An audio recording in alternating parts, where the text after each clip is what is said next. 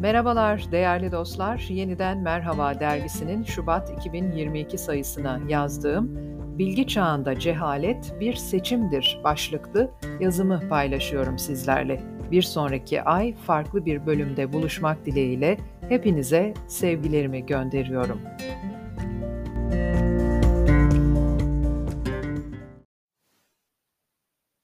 Bilgiye ulaşmanın günden güne daha hızlı ve kolay olduğu günümüzde maharet bunca bilgi kirliliği arasından doğru bilgiyi çekip çıkarmakta ve anlamlı kılmakta. Tıpkı dijital dönüşüm süreçlerinden geçerken toplanan verilerden anlamlı bir sonuç çıkarma, verileri işleyebilme mahareti gibi. Özellikle pandemi sonrası her anlamda çok sarsıcı bir değişimden geçiyoruz. Buna rağmen bilgi sahibi olmanın hor görüldüğü ve bilginin küçümsendiği bir kesimde cehalete övgüler dahi sıralandığını izliyoruz. Cehaletin hakim olduğu iklimi soluklarken toplum olarak birbirini kovalayan hakaretamiz yaklaşımlara maruz kaldığımız bir garip dönemi yaşıyoruz. Dolayısıyla tüm bunları yaşayıp gözlemlerken Sokrates'in hikayesi geldi aklıma. Antik Atina'da pazar yerinde Sokrates'e çok fena hakaret ederler. Sen bir alçaksın, cahilsin ve içkicisin ve daha birçok söz. Sokrates başını sallayarak hiçbirine cevap vermez. Sadece gülümser. Zengin bir aristokrat bu sahneyi izlerken Sokrates'e sorar. Böyle hakaretlere nasıl tahammül ediyorsunuz? Kendinizi kötü hissetmiyor musunuz? Sokrates yine gülümser ve "Gel benimle." der. Tanıdığı bu aristokrat onu eski bir tozlu depoya kadar takip eder.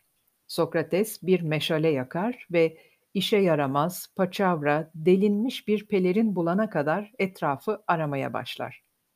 Bulduğu pelerini adama verir ve der ki, "Bunu giyer misin? Sana uyar." Adam paçavra pelerine bakar biraz da kızarak, "İyi misin Sokrates? Bu paçavrayı mı giyeceğim?" Diyerek geri atar. "Gördün mü?" der Sokrates. "Kirli ve eski pelerini giymeyi elbette reddettin. Aynı şekilde adamın söylediği saçma ve edepsiz sözler de bana dokunmadı. Anlaşılması gereken o ki, birisi sana istemediğin bir şeyi verdiğinde ve sen onu kabul etmediğinde reddedilen hediyenin sahibi kimdir? Başkalarının hakaretlerine üzülmek ve öfkelenmek, onların attıkları paçavraları giymeyi kabul etmek gibidir. Kimsenin eskimiş pelerinine ihtiyacımız yok. Bu yüzden insanların kime olduğu belli olmayan içlerindeki kızgınlığı, öfkeyi ve hayal kırıklığını üzerinize dökmelerine aldırmayın. Hayatınızı kendiniz sorgulayın. Tıpkı Sokrates'in dediği gibi. Sorgulanmamış hayat yaşanmaya değmez. En akıllı kişi neyi bilmediğini bilendir. Kimseye bir şey öğretemem. Sadece onların düşünmesini sağlarım. Sadece bir iyi vardır. Bilgi, sadece bir kötü vardır. Cehalet. Bilginin hor görülüp küçümsenmesine değinmişken az kitap okuyan değil, okumayan bir toplum olduğumuz için kitap okumanın da bir işe yaramadığı hikayelerini çok duyarız belli çevrelerde. Okuyorsun da ne oluyor? Zira yine okumayan hayatın hemen her kademesinde karşımızda.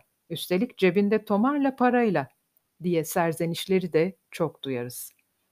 Okudukça aradaki makasın açılması bir yana, çok şey bilmek insanı mutsuz etmez mi?